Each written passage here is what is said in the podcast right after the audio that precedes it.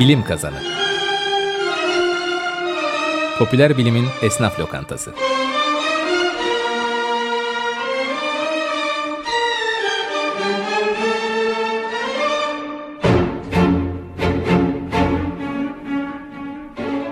Hazırlayan ve sunanlar İlker Öztop, Alp Sipahigil ve Aysu Uygur.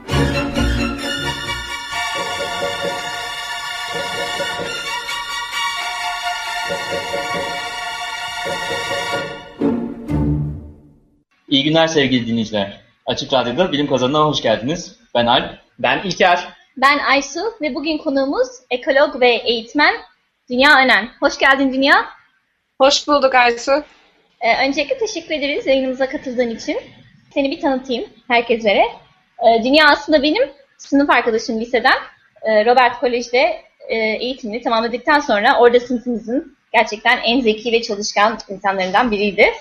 Ee, Dartmouth Üniversitesi'nde biyoloji, ekoloji ve çevre bilimleri okumaya gitti. Amerika'da, New Hampshire eyaletinde. Ee, lisansında aynı zamanda Louisiana'da ormancılık araştırmaları yaptıktan sonra üniversite sonrası bu sefer Hawaii'de e, hem surf yapmaya hem de doğal enerji laboratuvarında tek hücreli algıların yakıt potansiyellerini araştırdı.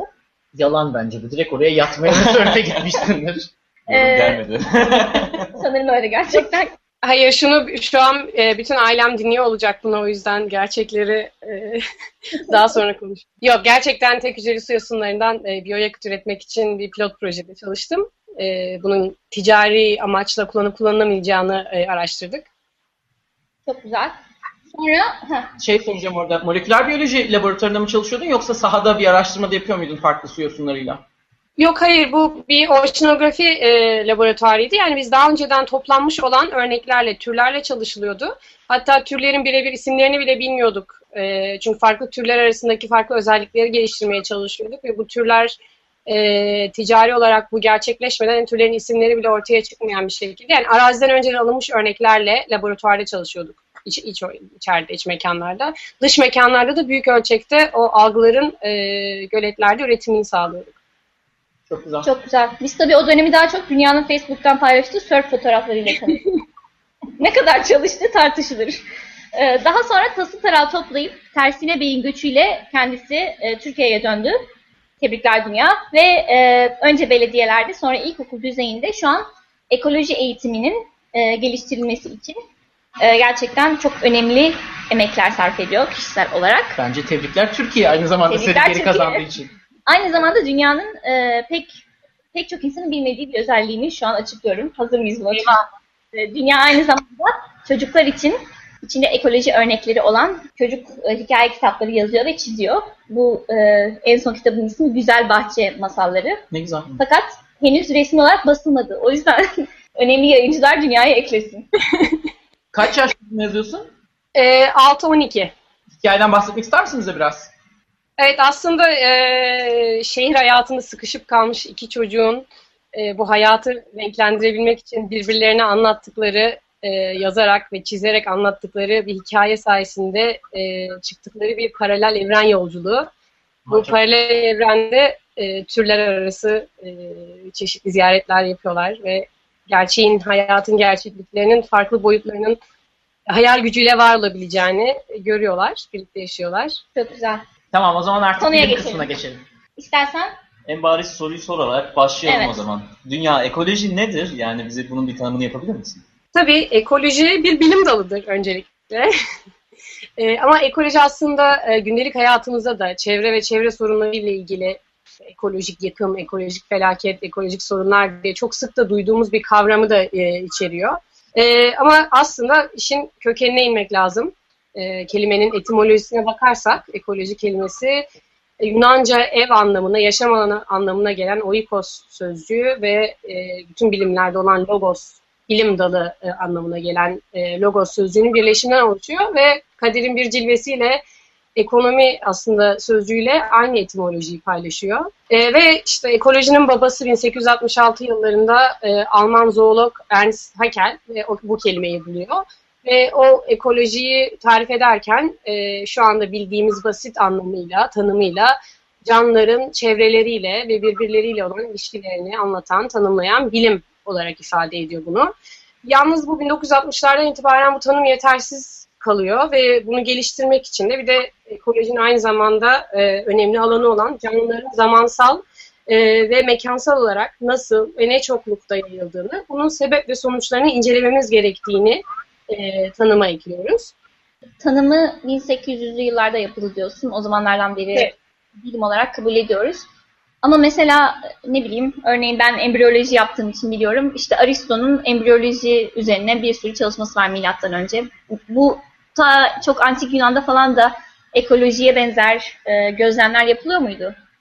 Evet Aysucuğum aynen bu çok önemli bir şey aslında. Ekoloji sonradan e, icat edilmiş bir bilim dalı değil aslında. İnsanların senin de bahsettiğin gibi Aristo'dan, Antik Yunan'dan itibaren kendi çevresini, kendi çevresiyle olan ilişkilerini incelemesiyle, merak etmesiyle başlayan ve çevredeki canlıların nasıl sınıflandırılabileceği üzerine düşünmesiyle de başlayan bir süreç. Ve tabii daha sonra e, işte bilimin Rönesans reformla birlikte, aydınlanma çağıyla birlikte daha somut hale geldiği dönemde Charles Darwin, e, Charles Lyell gibi e, jeoloji e, ve evrim üzerine düşünen e, bilim insanlarının da büyük katkılarının olduğu bir bilim dalı. Yani çok farklı bilim dallarından besleniyor. E, tanımda bunların çevreleriyle ilişkileri derken burada çevreleriyle kastın hem canlı başka canlılar hem de canlı olmayan nesneler değil mi? Yani en genel anlamında bir çevreden bahsediyoruz. Evet bu çok önemli. Yani çevre derken e, biyotik faktörler ve abiyotik faktörlerden biyotik yani canlılar e, kendi e, türünden ve türünden olmayan abiyotik faktörler cansız e, etmenlerle olan ilişkilerinden bahsediyoruz. Burada hemen bir geçen yaptığımız bölüme de referans vermek istiyorum. Mesela bugüne kadar bu yeni mikrobiyolojideki son gelişmelerle herhalde bu şeyin ay- ay- ayırdığına varmaya başladık. Mesela aslında vücudumuzun içinde yaşayan mikroplardan bahsettiğimizde de vücudumuzun içindeki ekolojiden bahsediyoruz. Yani benim vücudum insan organizmasının içindeki diğer mikroorganizmalarla arasındaki ilişki de aslında ekolojinin alanına giriyor değil mi? Evet tabii yani ekoloji dediğimizde canlıların içerisinde bulunduğu ortam ve bunların birbirleriyle olan ilişkilerinden bahsediyoruz. Bunun çeşitli e, senin de bahsettiğin gibi seviyeleri var. E, en küçükten büyüğe doğru e, zamanda ve mekanda yayılan. E, bundan bahsederken de aslında bir örnek vermek istiyorum. Yani ekolojinin Aysun'un da sizlerin de bahsettiği gibi yeni keşfedilmiş bir şey olmadığından örnek vermek için hepimiz botanik e, bilimini biliriz. Yani çiçekleri inceleyen insanlar, bitkileri inceleyen insanlardan bahsederken e, botanik ekolojiyle e, birebir ilişki içerisinde olan bir bilim dalı. Bitki ekolojisinden bahsederken şöyle örnek vereyim. Bit, e, botanik bir bitki türünün e, morfolojisini, işte, e, büyümesini, gelişimini, değişimini inceliyorsa bit, bu bitki ekolojisiyle e, uğraşan e, kişilerse bu bitkinin diğer canlılarla, polinatörleriyle yani e, onun tozlaşmasını sağlayan kuş, böcek ve diğer canlılarla olan ilişkilerini, bu ilişkilerin zaman içerisinde, yıllar içerisinde mevsimlere göre nasıl değişebileceğini, e, çiçekli bir bitki ise bu çiçeğin e, açma zamanının e, mevsime göre veya iklimdeki değişikliklere göre yani bahsettiğimiz abiyotik faktörlere göre nasıl değiştiğini de inceliyor. Ama tabii ki de botanik bilimin temellerinden yararlanarak bunu yapıyor. Yani e, disiplinler arası ve üstü bir e, bilim dalı olarak tarif edebiliriz ekolojiyi. Güzel. Yani şeye de vurgu yapıyorsun bu sayede zaten. Yani bu bilim dalı buna vurgu yapıyor. Hiçbir canlı organizma aslında başka bir canlı organizmadan bağımsız, izole bir şekilde var olmuyor doğada. Hep Evet, o- laboratuvarlarda olabiliyor ama doğada bu şekilde olmuyor. evet. Evet, zaten doğada bu anlamda bütüncül bir sistem. Yani doğanın kendi içerisinde canlıların belirli bir denge içerisinde e, ilişkide bulunduğu e, bir sistem. Bu ilişkilerin de, e, de tanımlıyor ekoloji. E, ve ayrıca ekolojiden bahsederken bir de ekologlardan da bahsetmek lazım. Yani ekolojiyle uğraşan e, insanlardan.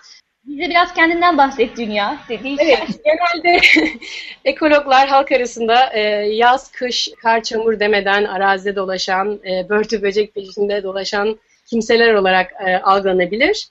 Bu tabii ekolojinin önemli bir kısmı arazi çalışmaları, örnek toplama kısmı ama aynı zamanda ekologlar gereği e, gerektiğinde laboratuvarda da çalışan, e, laboratuvar önlüklerinde ilgilen insanlar. Çünkü arazide yapılan çalışmaların deneylerle doğrulanması da önemli. Ee, peki Dünya bir şey diyeceğim. Şimdi ekolojinin sen değindiği alanları anlattın. Aslında çok büyük bir e, şemsiye Evet. bilimi yani bir sürü şey kapsıyor. Bir de bence önemli olan yani senin anlattığın kadarıyla hani ekoloji deyince insanların aklına e, çiçek böcek işte bitkiler falan filan geliyor genelde ve bunu biraz küçümseyerek bakabiliyor insanlar ama aslında ekolojinin e, çok ciddi bir şekilde insan yaşamıyla da ilişkisi var. Çünkü biz de doğadaki birçok canlıyla bağlantı halindeyiz ve insan yaşam alanı, onların yaşam alanları bunların hepsi ekolojinin aslında ilgi alanlarında anladığım kadarıyla değil mi? Tabii ki zaten insan doğadan ayrı bir şekilde var olmuyor. Biz kendimizi ayrı bir şekilde tanımlıyoruz. Zaten çevre dediğimizde e, insan kendini direkt doğadan dışlayarak, kendi dışında olan faktörler olarak bunu düşünüyor ama aslında bu böyle değil. E, Biz insan türü olarak doğayla, üzerinde yaşadığımız biyosferin ekolojik dengesiyle birebir ilişki içerisindeyiz. atıyorum kurduğun bir e, tarlanın yani direkt olarak insanları etkileyecek bir senaryodan bahsediyorum.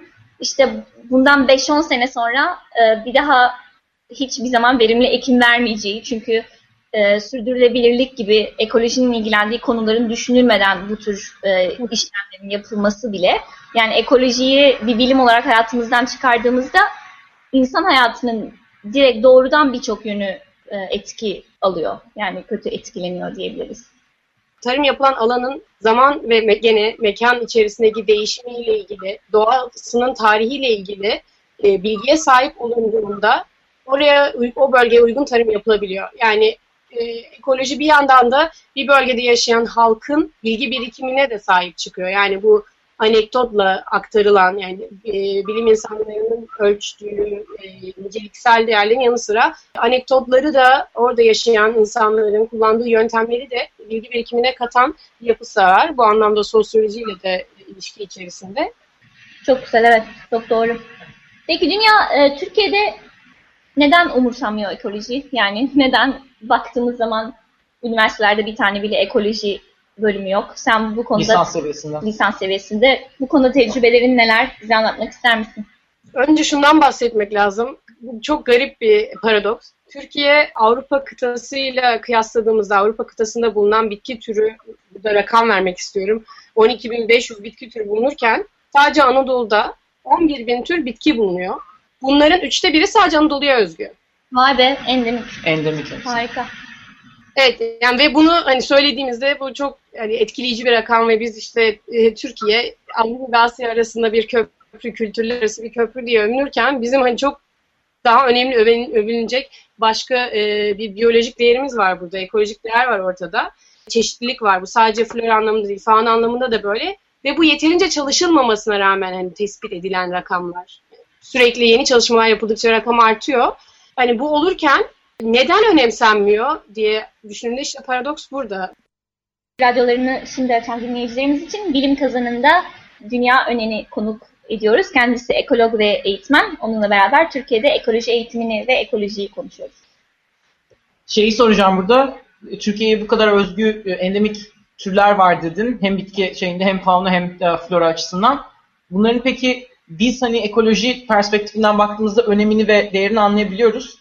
Ama devletin çevre koruma bilincini geliştirme, bu bunları koruma aşamasında herhalde öncül aldığı şeyler neler, kriterler neler? Yani neye göre neyi korumak istiyor mesela? Devlet bir politika düzenliyor bunun için. Bu anlamda Türkiye'nin e, imzaladığı uluslararası anlaşmalar var ve bu uluslararası anlaşmaların e, yürürlüğe girebilmesi için hazırlanmış kanun e, yasa tasarıları var. Bu tabiatı ve biyolojik çeşitliliği koruma kanun tasarısı. Uzun çabalar sonucunda sivil toplum kuruluşlarının, akademisyenlerin de görüşleri alınarak hazırlanan bu y- yasa tasarısı daha sonra e, 113 sivil toplum kuruluşunun itiraz sonucunda rafa kaldırıldı.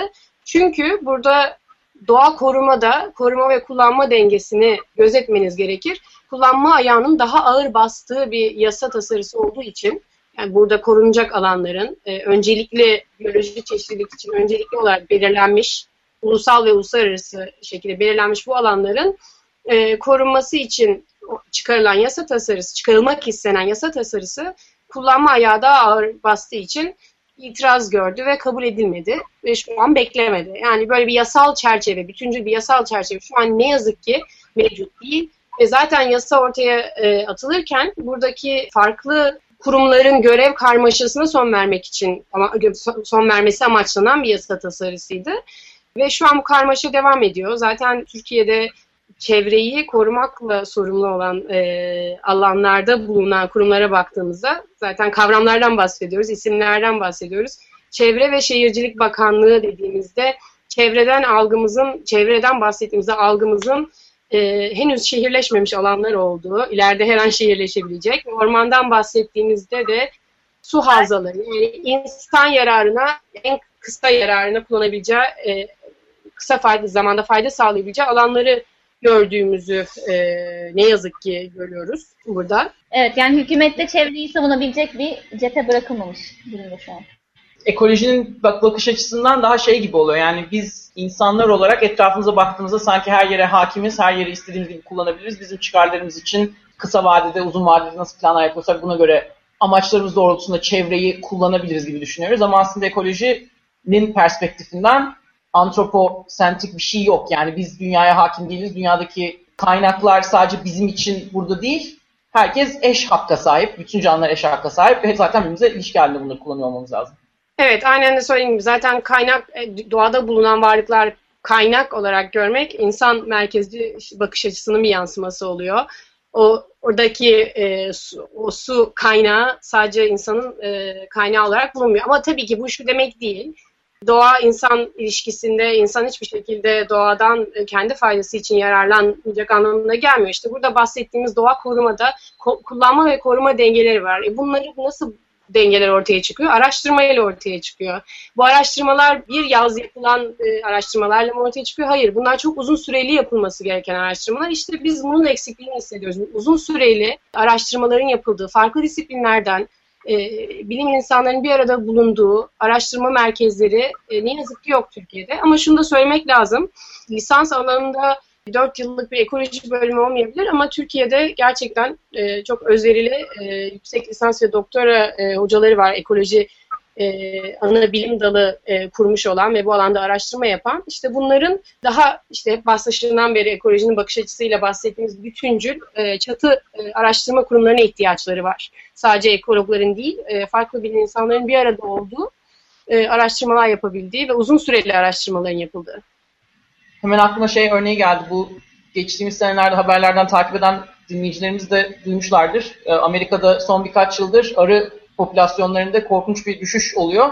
Ve bunun sebepleri araştırılıyor hala ve yıllardır bakılmasına rağmen farklı farklı alanlardan, bilim alanlarından insanların e, araştırmasına rağmen net bir cevabı bulunmadı daha. Ekolojik bir felaket, felaket gibi gözüküyor. Çünkü senin de dediğin gibi kullanma ve e, koruma şey açısından mesela biz sonuçta arıların ürettiklerinden faydalanıyoruz ve o faydamı tamamen kaybetmek üzereyiz Amerika'da en azından. Ve bunun sebebi daha bulunamadı. Hani hangi diğer um, popülasyonlarla, şeylerle e, ilişki içinde oldukları, hayvansal topluluklarla ilişki içinde oldukları yoksa bir viral bir enfeksiyondan mı şey yaptıkları yoksa insan etkisiyle mi yok oldukları hakkında pek bir bilgimiz yok. Ekologlar deli gibi çalışıyor bunu 3 yıldır, 4 yıldır.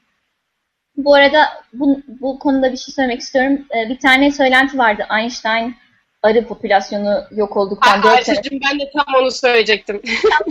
yok olacak gibi bir şey demiş güya. Böyle bir şey e, zaten Yok ama Einstein'da böyle bir kehanette bulunmamış. Bu bir e, internette dolaşan yalan şey, bilgilerden bir tanesi. Temelde bir laf olmazdı zaten. Einstein dediği her şey de doğru değil. Evet, sırf zeki diye adamın her sesini dinleyecek değiliz. Ama e, şey, dünya demin konuştuğum e, bu şey noktasına değindiğin gerçekten çok beğendim. Bu insanların hani ekoloji bilimi demek insanların doğal kaynakları kullanmamasını e, sağlamak demek değil. Yani insanlar tabii ki bu kaynakları kullanacak. Hatta ve hatta ekoloji biliminin e, gelişmesiyle yani ekolojik araştırmalar sayesinde şunu aslında yapmaya e, çalışıyoruz. Mesela e, balıkçılıkta veya işte tarlada, ekme, biçmede tarlayı ya da işte balık avlanmayı öyle bir yaparsınız ki 10 sene sonra avlayacak balık kalmaz diyelim ki. Fakat ekolojik olarak sağlam temellerle bunu yaparsanız 10 sene içinde aynı e, aynı miktarda balığı avlayabilirsiniz ya da aynı derecede ürün e, çıkarabilirsiniz tarladan. Yani insanların zaten doğayı e, kullan nasıl kullanacağını hani düzelten de bir uygulaması var ekolojinin. Evet burada şundan bahsetmem lazım. Bu aslında çok güzel bir örnek, balıkçılık örneği. Çünkü gene ekolojik bakış açısını yansıtması anlamında e, eskilerde 1950-60'larda klasik balıkçılıkta tek türlere bakılarak bu hesaplamalar yapılıyormuş. Yani şu an evet orfoz e, nüfusunda, popülasyonda azalma var. E, yavru sayısı belli miktar. O zaman biz şu kadar miktar avlamalıyız gibi hesaplar yapılırken tek başına bir balık türünü hesaplamanın o bölgede bulunan e, diğer balık türlerini, diğer deniz canlılarını hesaba katmadan yapılan bir hesaplamanın uzun vadede aslında yetersiz kaldığı da görüldü. Bu yüzden deniz e, bölgelerinde de alan korumada bütün ekosistemi birlikte etkileşim içinde düşünerek modellemeler yapılıyor artık. Yani işte şuna yem olacak bu balıktan şu kadar miktar e, avladığımızda diğerli popülasyonlarda ne olur? E, çünkü doğa böyle işliyor. Bizim e, kafamızdaysa işte ben şimdi şundan şu kadar miktar yersem e, yerine ne kalırı düşünüyoruz. Lüfer'den haber ver dünya. Lüfer, lüfer bitiyor mu? E, lüfer yemiyoruz. Sarı kanat lüfer dikkat ediyoruz. evet. Demin bahsettiğin gibi işte gerçek yaşamda denizlerdeki dinamikler çok farklı. Herkes birbirini yiyor ve çok karmaşık bir Benim de sorun bununla ilgili olacak. Şimdi ekolojide bir tahmin gücü elde etmeye çalışıyorsunuz.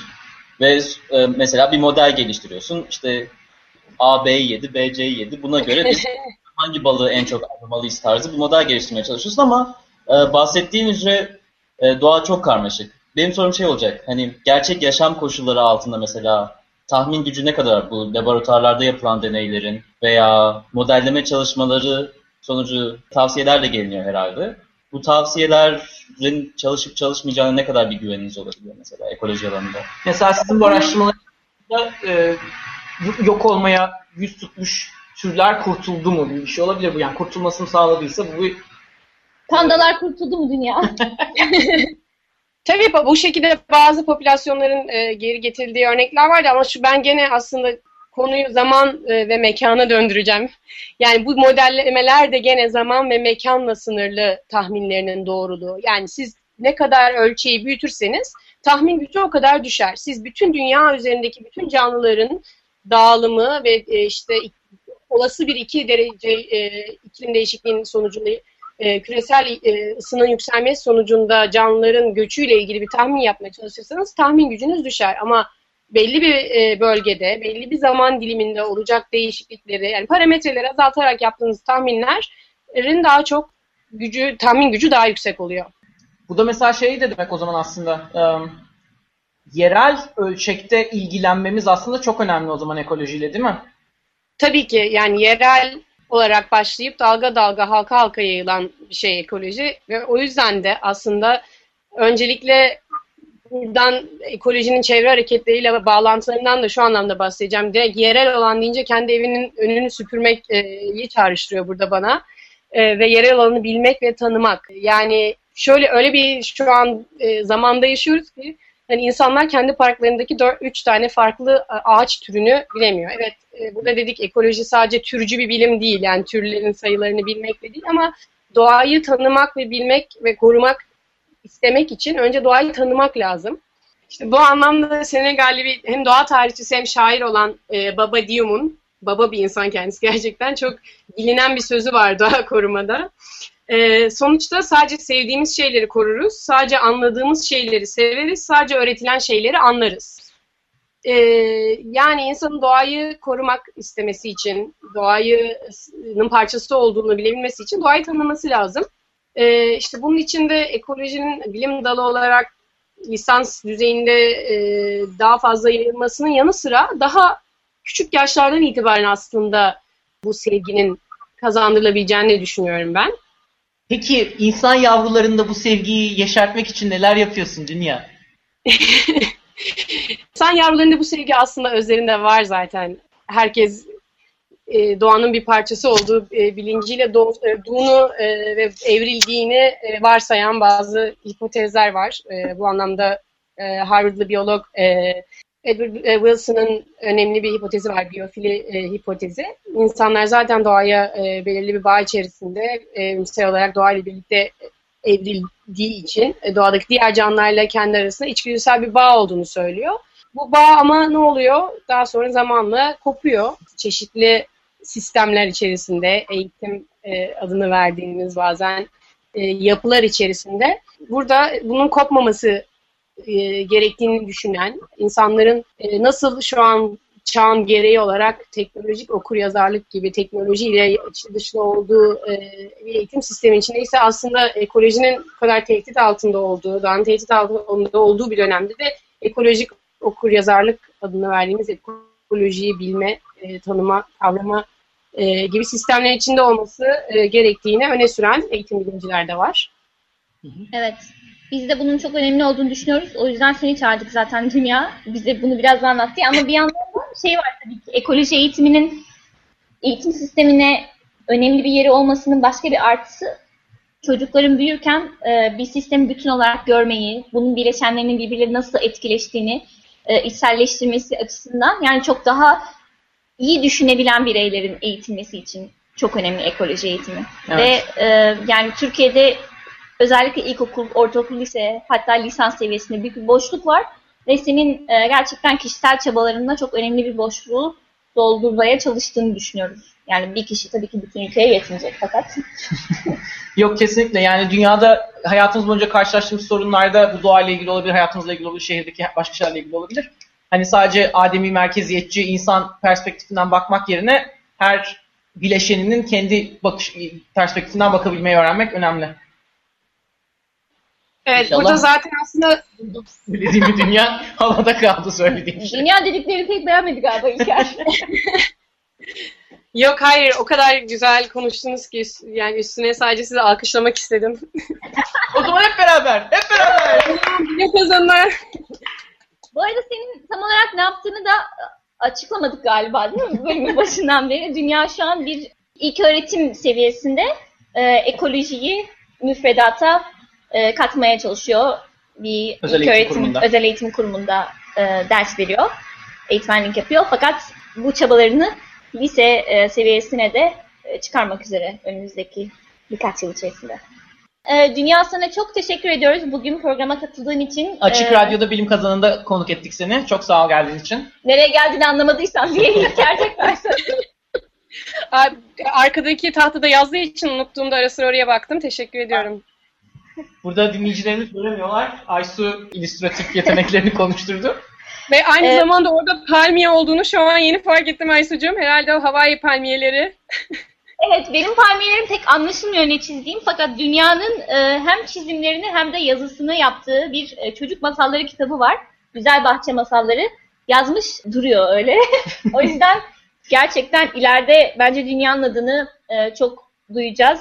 Ama bu sırada e, kitabını ilk basan yayın evi olmak istiyorsanız burada dünya e, kızardı. Fakat gerçekten e, çok güzel bir masal kitabı olduğuna eminim. Ee, inşallah ileride elimize imzalayıp yollarsın Dünyacığım Eğer basıldığı zaman. hakikaten ulaşmak istiyorsanız dünyaya e, Önce bize ulaşın. önce bize ulaşın. Evet. Komisyonu biz alacağız. Bu vesileyle bize ulaşabileceğiniz Adresler. adresleri verelim. E-mail adresi bilimkazanıposta at gmail.com Web sitesi bilimkazani.org. Facebook ve Twitter'daki mahlaslarımız da bilim kazanı. Öyleyse Dünya ver coşkuyu. Bilim kazan. biz kepçe. Görüşmek üzere. Bilim Kazanı Popüler bilimin esnaf lokantası.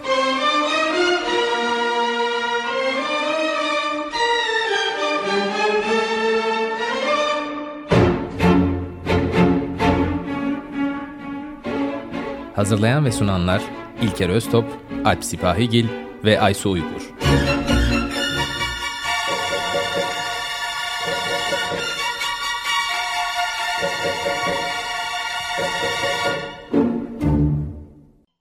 Açık Radyo program destekçisi olun. Bir veya daha fazla programa destek olmak için 212 alan koduyla 343 41 41